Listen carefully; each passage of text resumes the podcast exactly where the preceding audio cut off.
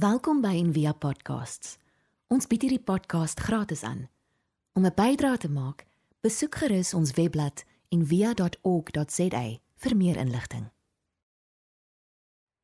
Goeiedag, baie welkom in Via by hierdie byeenkoms. Dit is my voorreg om weer saam met julle te kan wees vandag. Ons leef in 'n tyd waarin daar baie pyn is, baie hartseer, baie trauma is.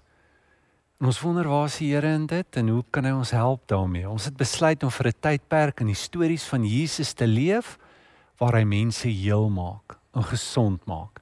Vandag is weer een van daai geleenthede. Hoop is goed vir jou dat ons kan saam wees vandag.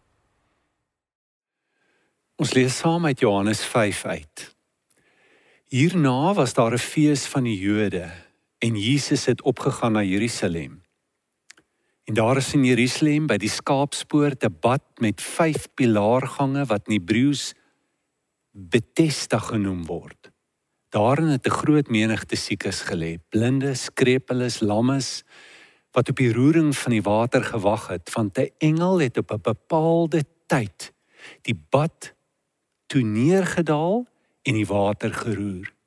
Die een wat dan eerste ingaan na die roering van die water het gesond geword, aan watter siekte hy ook al gelei het. 'n Sekere man was daar wat al 38 jaar aan sy siekte gelei het. Jesus sien hom. En terwyl hy weet dat hy al 'n lang tyd siek was, sê hy vir hom: "Wil jy gesond word?" Die sieke antwoord hom: "Here, ek het niemand om my in die bad te sit as die water geroer word nie en onderwyl ek kom, gaan 'n ander een voor my in." Jesus sê vir hom: "Staan op. Neem jou bed op en loop." En dadelik het die man gesond geword en sy bed opgeneem en geloop. En daardie dag was dit Sabbat. Die Jode sê toe vir hom wat genees is, dit is Sabbat. Dis jou nie geoorloof om jou bed te dra nie. Hy antwoord hulle, hy het my gesond gemaak, dit vir my gesê neem jou bed op en loop. Toe vra hulle hom, wie is die man wat vir jou gesê het neem op jou bed en loop? Maar hy wat gesond geword het, het nie geweet wie dit was nie want Jesus het hom verwyder omdat daar 'n skare op die plek was. Daarna het Jesus hom in die tempel gekry en vir hom gesê: "Kyk, jy het gesond geword. Moenie meer sondig nie, sodat daar nie iets ergers met jou gebeur nie." Die man het gegaan en aan die Jode vertel dat dit Jesus was wat hom gesond gemaak het. Ruk gelede het 'n man COVID opgetel. Na die akute fase van sy siekte het hy 'n kroniese toestand ontwikkel en dit het hom baie teruggesit. Onder andere het hy gevoel hy kan nie aangaan met sy werk nie, hy het sy werk op ys geplaas. Die dokters het vir hom gesê dat hy gewoond moet raak om met hierdie siekte saam te leef. Want daar's 'n groot moontlikheid dat dit nie gaan weggaan nie. Hy wou dit nie aanvaar nie en hy het besluit op alternatiewe metodes van genesing te ondersoek buite die hoofstroom 'n eh, westerse tradisionele medisyne en hy het onder andere gegaan na 'n kruie dokter toe. Hy het gegaan uh na homeopaat toe. Hy het gegaan vir bevryding van die demone wat hom siek kon maak. Dit was teen sy karakter en sy woorde was ek het dit gedoen omdat ek desperaat is. As jy desperaat is, sal jy enigiets doen. Mediese fonds het nie vir hierdie behandelinge betaal nie en hy moes uiteindelik sy huis verkoop. Hy's op 'n plek waar hy sê as ek nie my gesondheid terugkry nie, is dit die einde van my lewe. En ehm um, dis alwaarna ek soek en dis die een ding wat ek nodig het. Ek kon nie help om te dink aan die verhaal waarna ons vandag kyk nie. Jesus sien iemand wat 'n kroniese toestand het, al 38 jaar. Hy het ook alles verloor. Hy het nie meer vriende nie, hy het niemand nie. Hy het sy lewe op ys geplaas. Daar's een ding wat hy soek en hy voel ook sy lewe kan nie aangaan as hy nie hierdie ding kry nie. En dit lyk ook of hy desperaat was want hy probeer ook 'n alternatiewe metode in die destydse Israel van genesing, die bad van Bethesda. Nou ons weet nie presies wat hierdie bad behels nie, maar ons weet net dat um baie Jode geglo het dat God betrokke is deur 'n engel te stuur om die water te roer wanneer die sluise dalk oopgemaak word na die reën. Is daardie roering uh nie net bloot fisies of menslik nie. En dit maak daai water magies en daar staan genesing in daai water. Ons weet dat baie van die Romeine ook die bad besoek het en dat daai bad vir 'n tyd bekend gestaan het as die bad van Asklepius. Die god van genesing waaraan baie mense wat destyds om die Middellandse See gebly het geglo het. Ons weet nie presies wat dit behels nie. Ons weet net dat die bad beloof het wat hy nie kon lewer nie net een persoon raak gesond. In baie jare beweeg die water ook nie. Almal se hoop is daarop gefestig. Maar's groot teleurstelling waarmee hulle sit. So Jesus kry hierdie man. En hy sê drie goed vir hom. Die eerste ding is 'n vraag. Hy vra hom: "Wil jy gesond word?" Deur hierdie vraag nooi Jesus hom uit om op 'n innerlike reis te gaan. Jesus vra dit nie uit nuuskierigheid uit nie. Dat hy nie weet wat aangaan dat hy nie 'n aanname kan maak nie. Hy vra hierdie vraag vir sy onthaalwe. Hy sê met ander woorde, hoor hierso, wat in jou aangaan in jou binneste is baie belangrik vir jou gesondheid. En ek wil hê jy moet op hierdie reis gaan. Jy moet iets doen. Jy moet jy is verantwoordelik vir iets. Dit wat in jou binneste aangaan. Nou vra ek vir jou. Wat wil jy regtig hê? Jou begeerte is groot. Jou begeertes waarmee jy leef bepaal jou besluite. Dit dit bepaal jou drome. Dit bepaal uiteindelik wat jy doen met jou lewe. Nou vra Jesus hom eintlik iets wat voor die hand liggend is. Hoekom lê hy daar? Hoekom wil hy in die bad inkom? Want ek wil gesond word. Maar Jesus sê vir hom, "Wil jy regtig gesond word?" Wat is jou diepste begeerte? Gebruik jou kop om te dink, te kyk agter toe kom. Wat is jou groot begeerte? Dis nie so maklik nie. Hierdie man kon dit nie dadelik antwoord nie. Hy kon nie onomwonde sê ja, asseblief maak my gesond nie. Iemand vra my 'n gele, ruk gelede, wat is die drie grootste goed wat jy nou in die lewe wil hê? Ek kon nie dadelik sê nie, ek het vir hom sê gee my 'n dag. Ek sal terugkom na jou toe môre. Dis so belangrik om agter te kom wat jy wil hê. Daar's 'n verband tussen jou denke en jou begeertes. Daarom sê Jesus let op wat jy dink ook. Want hoe die effek wat dit het op jou begeertes. Kyk wat dink hy. Kyk wat dink hy van God. Hy dink God is haar ver daar buite in die teologie sal ons 'n deistiese godsbeskouing hou. Die wêreld se eintlik oorgelaat aan homself, natuurwetmatighede en ons moet self besluit wat's reg. En so nou dan gryp hy in deur 'n engel of iets wat die water roer. Ehm um, terwyl Jesus by hom staan. God is by hom. En hy sê ek stel belang En dis groot potensiale moontlikheid. Jou hele lewe gaan verander en kan verander. sien hom. Raak bewus van hom. God's nie daar ver nie. En en dan sê hierdie man, kyk net hoe kyk hy na die lewe. Dis 'n magiese wêreld, 'n magical world waarin ons lewe. Dit is so, ehm, um, jy is so gelukkig as dit met jou gebeur, as dit jou pad langs kom.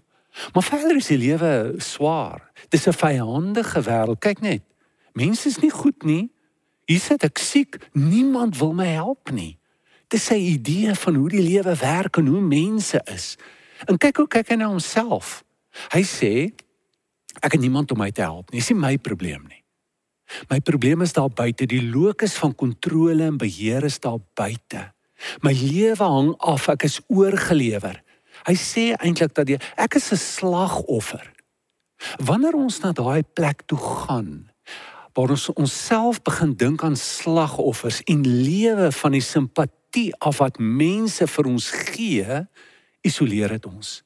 Uiteindelik maak ons almal moeg om ons en wil mense nie meer hoor wat is ons klagtes en wat is ons storie wat vir ons goed laat voel omdat mense na ons kyk en ek darm iets in iemand is ek kry my identiteit in dit. Dit is die storie wat hy homself vertel. Dis die storie wat hy vir Jesus vertel. Kom in kontak met die storie wat jy jouself vertel want dit skep jou begeerte en bepaal wat jy wil hê en waarheen jy wil gaan. Maar dit is ook belangrik om te let op jou begeertes want jou begeertes kan baie misleidend wees. Ons begeertes het la. Dit wat ek sê ek wil hê, is nie eintlik wat ek wil hê nie. Ek onthou jare gelede wil 'n paartjie trou. Die die vrou het net een voorwaarde, die huis moet op my naam kom. Die man is ontstel. Ons trou binne gemeenskap van goedere. Ehm um, is alles nie wat jou planne dat jy nou die naam op die huis op jou naam wil hê. Sy sê ek weet nie. Miskien het dit te doen met die feit dat ek groot geword het en ons nooit ons eie huis kon besit nie. Miskien het dit te doen met die feit dat ons dat ons heeltyd moes rondtrek, rondgegooi was, nooit 'n huis regtig kon verwerk soos ons wil hê dit moet wees nie, want dit behoort nie aan ons nie. Dalk soek ek net stabiliteit en sekuriteit. Dit het die man tevredenheid gegee en gesê ons kan trou. Ek het gewonder sal die huis regtig daardie sekuriteit en stabiliteit waarna sy soek vir haar gee. Tot watter mate sal die huis dit vir haar gee? Vir hoe lank sal die huis dit vir haar kan gee? Agter ons begeertes lê daar dikwels ander psigiese sosiale behoeftes. Onder dit en agter dit dalk behoeftes na God toe, geestelike behoeftes. So Jesus sê, die tweede groot ding, kyk, kyk, jy het gesond geword. Moenie meer sondig nie. Sodat daar nie iets ergers met jou gebeur nie. Jesus nooi hom nou uit om te reflekteer op sy ervaring. Um, hy moet insig kry Hy moet insien. En die eerste groot ding is, ehm um, kyk na wat met jou gebeur het. Moenie weer sondig dat iets ergers met jou gebeur nie. Jesus sê, jou fisiese genesing is nie die grootste ding wat met jou kon gebeur nie. Hy sê en is nog nie verby nie. Jy's nou fisies gesond, maar wat van jou verhouding met God? Wat van die goed wat tussen jou en God lê? Wat van dit? Jy kan fisies gesond wees maar jy's siek binnekant. Dit dis 'n groot uitdaging vir ons in die tyd waarin ons lewe, waarin ons so behep kan wees, gefokus kan wees op die uiterlike materiële fisiese. As ons so leef, sal ons teen die oudwordproses wees. Ons sal deel word van die teenverouderings-beweging wat bestaan in ons land. Wat ehm um, wat wat siekte, wat ou vir die veroudingsproses sien as 'n siekte. Iets wat teëgewerk, bestry moet word. Die aard van die lewe is dat ons ons fisiese heelheid verloor soos wat ons ouder word. Maar as die innerlike mens lewe en dit en dit is soveel groter en belangriker in daai laaste fase van ons lewe dat ons binnekant die lewe gevind het en gekry het. En dit is hoekom die groot uitnodiging vir hom is soek heelheid, nie net fisiese gesondheid nie. En dan nooi Jesus hom uit na sy diagnose toe. En hy sê vir hom dis sonde wat die oorsaak is. Nou dit is weer ook vandag 'n baie baie omstrede uitspraak of iets om te sê. Weet ons kan ons kan praat van psigosomatiese toestande. Jy weet dat in jou siege uh demonstreer in jou soma in jou liggaam Soos byvoorbeeld, um, ons versamel na ons gewoonlik stres. Stres veroorsaak 'n uh, eh, migraine, kopseer, stres veroorsaak jou maagseer. Ehm um, die Bybel is meer genuanceerd en sê ook dat ons pneumosomatiese gees liggaam siekte toestande mee kan sit. Wanneer jy selfgesentreerd is, wanneer jy in woede leef, wanneer jy in ons vergewensgesindheid sit, Ja, wanneer jy jaloers is. Ehm um, wanneer jy met vrees lewe, kan dit 'n geweldige effek op jou liggaam hê. So Jesus sê vir hom: "Verander jou innerlike funksionering, neem verantwoordelikheid vir dit. Leef op 'n ander manier, anders gaan jy weer siek word. Jy kan erger siek wees as wat jy nou siek is." Ek wonder wat was sy sonde. Ek's net nuuskierig. Is dit sy selfgesentreerdheid? Sy verskuilde narcisme? Kyk, hy weet presies hoekom hy siek en wat sy probleme is en wat hy nodig het vir sy genesing. Ehm um, voor voor die tyd is hy die arme een wat siek is. Na sy genesing is hy die gelukkige een wat 'n getuienis het van 'n groot wonderwerk wat met hom gebeur het. Maar hy's nog nie hy stel nie belang in Jesus nie. Hy hoor Jesus nie wat vir hom sê kom lewe saam met my nie. En maak nie goed tussen my en jou reg nie. Glo in my. Hy's nog steeds besig met homself. Ehm um, dalk was sy sonde gewees sy onverantwoordelikheid waarmee hy gesit het. Hy uh, hy vat nie verantwoordelikheid vir sy lewe nie. Aan die begin toe hy siek was, toe sê hy niemand help my nie. Toe hy gesond is, toe sê hulle vir hom, "Hoekom draai jy jou matras rond?" Toe sê hy, "Is nie ek nie. Is nie my skuld nie. Die die ou wat my gesond gemaak het, het vir my gesê doen dit." Miskien het dit te doen met sy bitterheid. Ek meen, ek weet nie of jy dit optel nie. Hy sê, "Daar's niemand wat omgee vir my nie. Niemand wat my wil help nie." So hier is die groot vraag dan nou kyk, reflekteer op jou ervaring. Om met die regte diagnose te leef, agter te kom wat is die effek en die oorsaak van jou siekte om verantwoordelikheid te kan vat daarvoor. In die derde plek staan op en loop sê Jesus vir hom. Dis 'n geweldige uitdaging vir iemand wat lam is vir 38 jaar om nou op te staan. Dis dis 'n groot ehm um, risiko wat geneem moet word uit sy gemaksone uit buite sy ervaringsveld om so iets te kan doen. Nou Jesus weer eens gee nie hier 'n formule byvoorbeeld vir goddelike genesing nie. Daar is honderde ander mense wat daar by die bad gelê het. Nie een van hulle het die opdrag gekry vir formule gekry staan op nie. Net hy het dit gekry. So so Jesus nooi hom uit nou om iets te doen wat verband hou met sy siekte. Hy kan hom gesond maak sonder sy medewerking, sonder om enigiets te doen. Maar God kies om dit saam met ons te doen. So die om te kan onderskei wat is dit wat ek moet doen kan 'n groot taak wees. Scott Peck sê distinguishing what we are and what we are not responsible for in this life is one of the greatest problems of human existence. Wat is dit wat ek moet doen? Johannes van die kruis het gesê wel, een ding wat vir jou aanleiding kan wees is as jy wil word wat jy nie nou is nie, sal jy moet loop langs 'n pad wat jy nog nooit geloop het nie. Dis 'n risiko van vertroue. Dis 'n risiko van oorgawe. En Jesus gee vir hom een opdrag: vat jou mat saam, jou bed. Dit so, so Jesus sê los goed, maar daar's goed waaraan jy moet vashou. Van die verlede, kom weg uit daai plek uit. Maar onthou, hou hierdie mat by jou. Wat met jou gebeur het? Hoe jy gesond geword het? En wat het gevat het om nou hierdie nuwe lewe te kry? Ons moet 'n Christelike geheue ontwikkel. Ons het 'n probleem. Ons onthou die goed wat ons moet vergeet en ons vergeet die goed wat ons moet onthou. In die Ou Testament moes hulle altare bou net om daai geheue lewendig te kan hou, om nie terug te val in jou ou patroon van leef en van dink nie, om te groei na heelheid toe nie. So waar is jy vandag in jou lewe? Is daar dalk 'n roering van die water van jou bewussyn? Is daar dalk 'n roering hier binne in jou, 'n opgewondenheid, 'n moontlikheid van iets anders wat met jou kan gebeur, 'n ander soort lewe? Sê nou net hy leef.